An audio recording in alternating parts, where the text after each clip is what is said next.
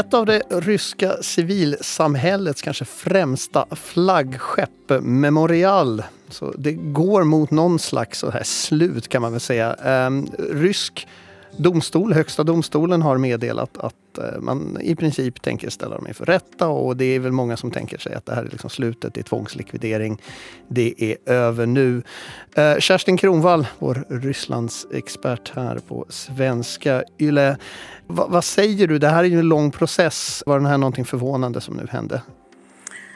Det är inte särskilt förvånande även om det här, den här processen som nu har inletts har inletts på väldigt underliga och väldigt lösa och väldigt, väldigt, väldigt konstiga grunder. Du lyssnar alltså på Nyhetspodden med mig Thomas Selén och vi ska prata om Memorial och vikten av att den här nu organisationen faktiskt är så att säga inne på det sista andetaget potentiellt. Men vi kanske måste börja helt från grunden för folk som absolut inte hänger med på vad jag pratar om. Ehm, Kerstin, berätta alltså lite om, om liksom bakgrunden till de här organisationerna. För det är kanske två huvudsakligen. Då. Det är Internationella Memorial och sen Memorials människorättscentra som vi talar om här i första hand. Ja, människorättscentret eh, som finns i Moskva. Memorial har grundats eh, för 34 år sedan eh, med målet att ge upprättelse till de människor som utsattes för förtryck under Sovjettiden. Alltså de som mm, utsattes för, för förtryck, som greps, fängslades, mm, försatts i, i fångenskap, mördades under det som man kallar den stora terrorn under diktatorn Josef Stalin. Och sen också alla de andra politiska fångar och, och, och oskyldigt gripna som, som råkar väldigt illa ut under, under Sovjetstyret. Men det här människorättscentret, jag har lite fått intrycket av att, att om, om den här organisationen då har sin grund i Sovjet och dokumenterar så att säga, det som skedde då, så har det här människorättscentret mer en roll att, att titta på det som händer i Ryssland idag? Eh, jo och nej. Alltså, Memorials uppgift har varit och är att, att skaffa fram information om det som hände i Sovjetunionen. Men sen har många av Memorials medlemmar och Memorial som lokalorganisation också hållit på med eh, att, att försöka kämpa för mänskliga rättigheter i dagens Ryssland. Ehm, men okej, okay, då är min fråga så här. Ehm, den här organisationen som du just berättade har ju funnits länge och de har varit verksamma länge både under Sovjettiden och under så att säga, den nya ryska perioden. Men vad är det de har gjort nu då som gör att de plötsligt är, står inför domstol? De har inte gjort någonting. Det är inte Memorial som har förändrats, det är världen runt omkring dem som har förändrats. Mm. Och, uh, det här är ju en sak som, som man kan ställa sig frågande till och undra att vad är det nu som har hänt. Men det är faktiskt så att ända sedan sen Ryssland stiftade den här lagen om utländska agenter 2012. Mm. Så ända sedan dess har Memorial varit liksom i skottgluggen just när det gäller användningen av den här lagen och de har gång på gång utsatts för olika mindre rättsprocesser där de har dömts till höga böter för att, för att inte på, på alla ställen de har uppträtt eller i alla papper de har, har producerat och publicerat haft den här anteckningen om att de är utländska agenter. Och det är fortfarande samma agenda som, som formellt ligger bakom de här, de här åtalsskrifterna som nu har lämnats in, alltså, där det sägs att, att organisationen har underlåtit sig att, att skriva in att de är utländska agenter, vilket varje person eller organisation som har dömts till att vara utländsk agent i Ryssland måste sätta in en sån här stor text med stora bokstäver på 24 ord om att man är utländsk agent och, och mm. arbetar för för andra eh, intressen än de ryska inne i Ryssland. Och det här med lagen om utländska agenter. Det låter ju fint att det finns en lag men den har ju anklagats för att verkligen bara vara ett verktyg för att, så att säga, kunna stämpla folk som spioner och sen kunna bli av med dem på ett sånt här semi-juridiskt Det handlar inte om spioner. Det, det här är en, en, en, ett missförstånd som ofta uppträder i Finland. Att okay. man tror att, att utländska agenter och spioner är samma sak. Det är definitivt inte samma sak. En agent är någon som arbetar på något sätt eh, till förmån för en, för en utländsk organisation eller en annan stat eller, eller någonting sånt här. Det är inte spionage de anklagas för, utan de anklagas för att vara agenter. Men det är klart att eh, det måste man ju komma ihåg att vilken lag man än stiftar i vilket land som helst så finns det ju en avsikt med det. Och den här lagen har stiftats som ett verktyg för att eh, kunna kunna sätta dit människor som inte håller med eh, den de som har makten i Ryssland idag. Det är hemskt enkelt. Den här lagen då har funnits ett tag nu eh, och nu drabbas då Memorial av det här. Varför är det så viktigt att just, just det här gänget nu som drabbas? Jag menar, det är ju andra mindre organisationer som också har fått känna på delar av den här lagen redan av organisationer och privatpersoner som har fått känna eh, av följderna av den här lagen. Det är många som har varit tvungna att sluta med sin verksamhet. Det är många som har flyttat utomlands. Det är många som har dömts till höga böter och, och vissa som också har fått, fått uh, olika fängelsestraff. Men det som gör att just Memorial uh, är så oerhört viktigt är dels att det är, den, det är en av de absolut största människorättsorganisationerna i Ryssland och en av de viktigaste just därför att det är den enda organisation som aktivt har tagit fram det som har hänt under Sovjettiden. Den grundades faktiskt medan Sovjetunionen ännu fanns. Och, och sen dess har den här organisationen haft som sin uppgift och sitt mål att söka fram information om de människor som råkar illa ut. Och det här har man hållit på att samla in nu under de här drygt 30 åren. Och eh, idag har Memorial Eh, en lista eller en, en datasamling på ungefär 3,5 miljoner namn. Alltså det är namnen på människor som, som har råkat illa ut. Och deras egen uppskattning efter att ha gjort det här arbetet så här länge är att eh, det skulle kunna finnas ungefär 11 miljoner namn att upptäcka och föra in på de här listorna. Och det man har gjort är att man har samlat in uppgifter från olika arkiv efter att de har öppnats och sen stängts igen i många fall. Och också från privatpersoner, från brevsamlingar, från familjearkiv, från lokala forskare. Man har, man har verkligen gjort väldigt, väldigt mycket arbete för att, för att få tag på de här uppgifterna. Och det finns ju sen, det som finns till papper, så inte, inte bara på, på nätet, så finns konkret lagrat i Memorials äh, lokaliteter i mm. centrum av Moskva. Och, och det, det, är här det här människorättscentret då konkret har verkat just vid den här Karetni Rad heter den här, den här gatan där de har funnits. Det och förhoppningsvis får finnas också i framtiden. Mm. Men sen finns det också en del av den ryska befolkningen som inte vill att man ska ta fram vilka det var som utförde de här brotten mot de här oskyldiga människorna. Vilka var det som, som var angivare, vilka var det som var fångvaktare, vilka var det som, som torterade människor under, under förhör, vilka var det som avrättade människor uh, som hade bara förts, förts till avrättningsplatser utan att någonsin ha, ha liksom ställts inför en ordentlig domstol och dömts för något brott. Mm. Allt det här är en sak som är helt ouppklarat i Ryssland och det finns liksom en, ingen diskussion om det i det ryska samhället. Det finns ingen, ingen en sån här försoningskommitté eller ens försoningstankar i det ryska samhället.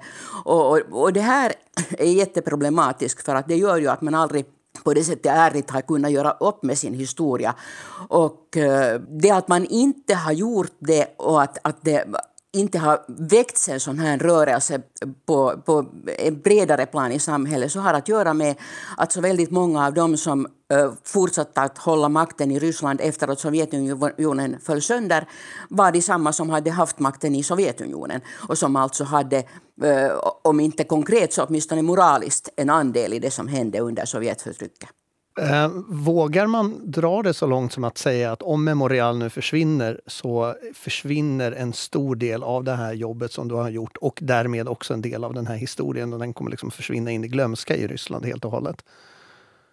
No, det här är just den stora frågan och, och vi vet ju till exempel inte vad, vad som händer med de stora arkiv som, som Memorial har.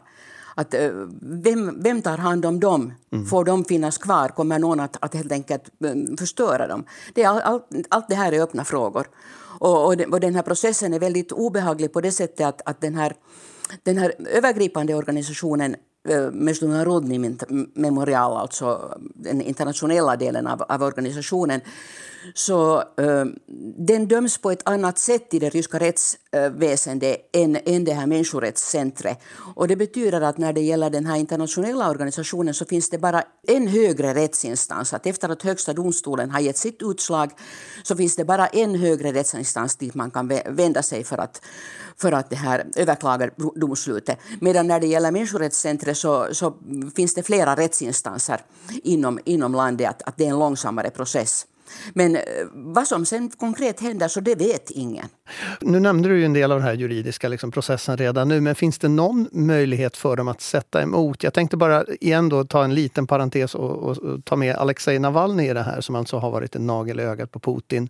Eh, han har kritiserat Putin många gånger och han har ju gjort många turer både i rättsliga sammanhang och han har till och med då råkat illa ut fysiskt som person. Att eh, har den här organisationen en möjlighet att föra samma sorts kamp? Alexej Navalny är en politiker och jobbar inom ett politiskt parti och jo, han har råkat illa ut.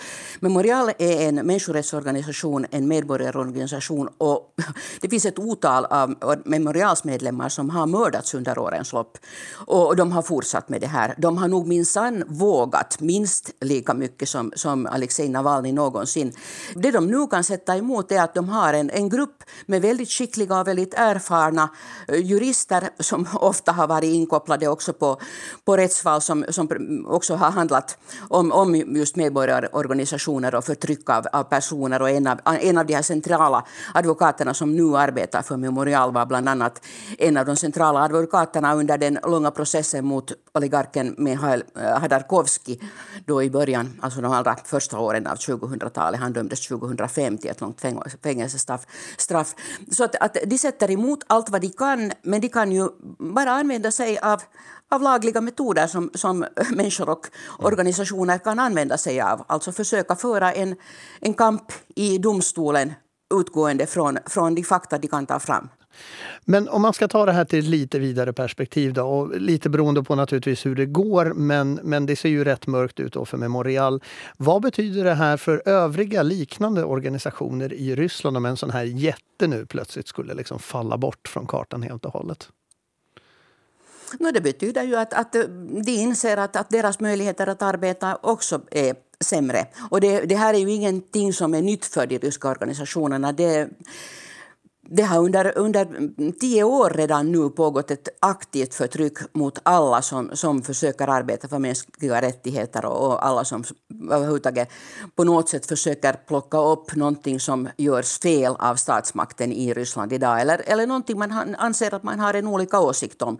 All slags opposition, all slags eh, ifrågasättande av, av dagens makthavare och deras, deras gärningar eh, är i farozonen. Det vet alla. Och Memorial är bara liksom så central och har en så stor betydelse att, att när om det går så som, som vi då alltså befarar att, att organisationen försvinner så beror det ju också mycket på vad som vad som händer konkret, alltså som, som jag sa med arkiven, vad mm. händer med de människor som har jobbat inom den här organisationen? Kan de på något sätt rädda den information som finns och for, fortsätta under ett annat namn på, på någon annan basis? Det här, det här är allt öppna frågor. Men det som är helt klart är att det här, det här ökar känslan av förtryck och begränsar möjligheterna att arbeta för frivilligorganisationer i Ryssland. Betyder det här att eh, Putin nu på sätt och vis har liksom lyft bort masken en aning till? Att han nu liksom verkligen visar att nu börjar han gå ut med de här riktigt hårda släggorna och vågar ta sig an de här största grupperna? Jag tror nog att, att det här är så, i så fall en föreställning man bara kan ha i väst. Alltså Putins mask uh, har nog varit försvunnen väldigt länge för de som bor i Ryssland och som håller på med, med någon form av, av ifrågasättande verksamhet. Är det någonting vi bör nämna i det här sammanhanget? Det kanske är viktigt att veta att Memorials arbete har berört en jättestor grupp av finländare. Därför att det finns massor av finländare här i Finland och ättlingar till finländare i Ryssland vars förfäder, släktingar, vänner, bekanta råkade ut för den stora terrorn. Det fanns alltså minst 15 000 finländare som flyttade till Sovjetunionen under 1920 och 30-talets början för att bygga upp den idealstat de trodde att fanns i det kommunistiska Sovjetunionen och som sen råkade illa ut. Alltså, det finns alltså på de här mm, avrättningsplatserna i ryska Karelen, Sandarmo och Krasnibor, så finns det alltså kvarlevorna av uh, tusentals finländare, oskyldiga människor som, som sköts ihjäl i samband med de här uh, enorma avrättningarna under en kort tid. Och uh, en stor del av finländarna som hade flyttat till Sovjetunionen blev sen också deporterade till olika fångläger runt om i Sovjetunionen. Sen hände det väldigt ofta när föräldrarna dömdes eller mördades så togs barnen om hand och sattes på, på barnhem och man fråntog deras finska eller andra utländska efternamn. Jag har till exempel själv under årens lopp ofta träffat människor som, som har undrat att finns det någon möjlighet att få reda på vilka mina föräldrar egentligen var. Viktig, viktig organisation, inte bara för Ryssland utan även för samhället och som sagt för finländare också då som har beröringspunkter med det här. Tack så mycket Kerstin Kronvall för att du var med oss här i Nyhetspodden idag. Tack Thomas. Du har lyssnat på Nyhetspodden. Jag heter Thomas Selén. Fortsätt gärna lyssna på oss i framtiden också.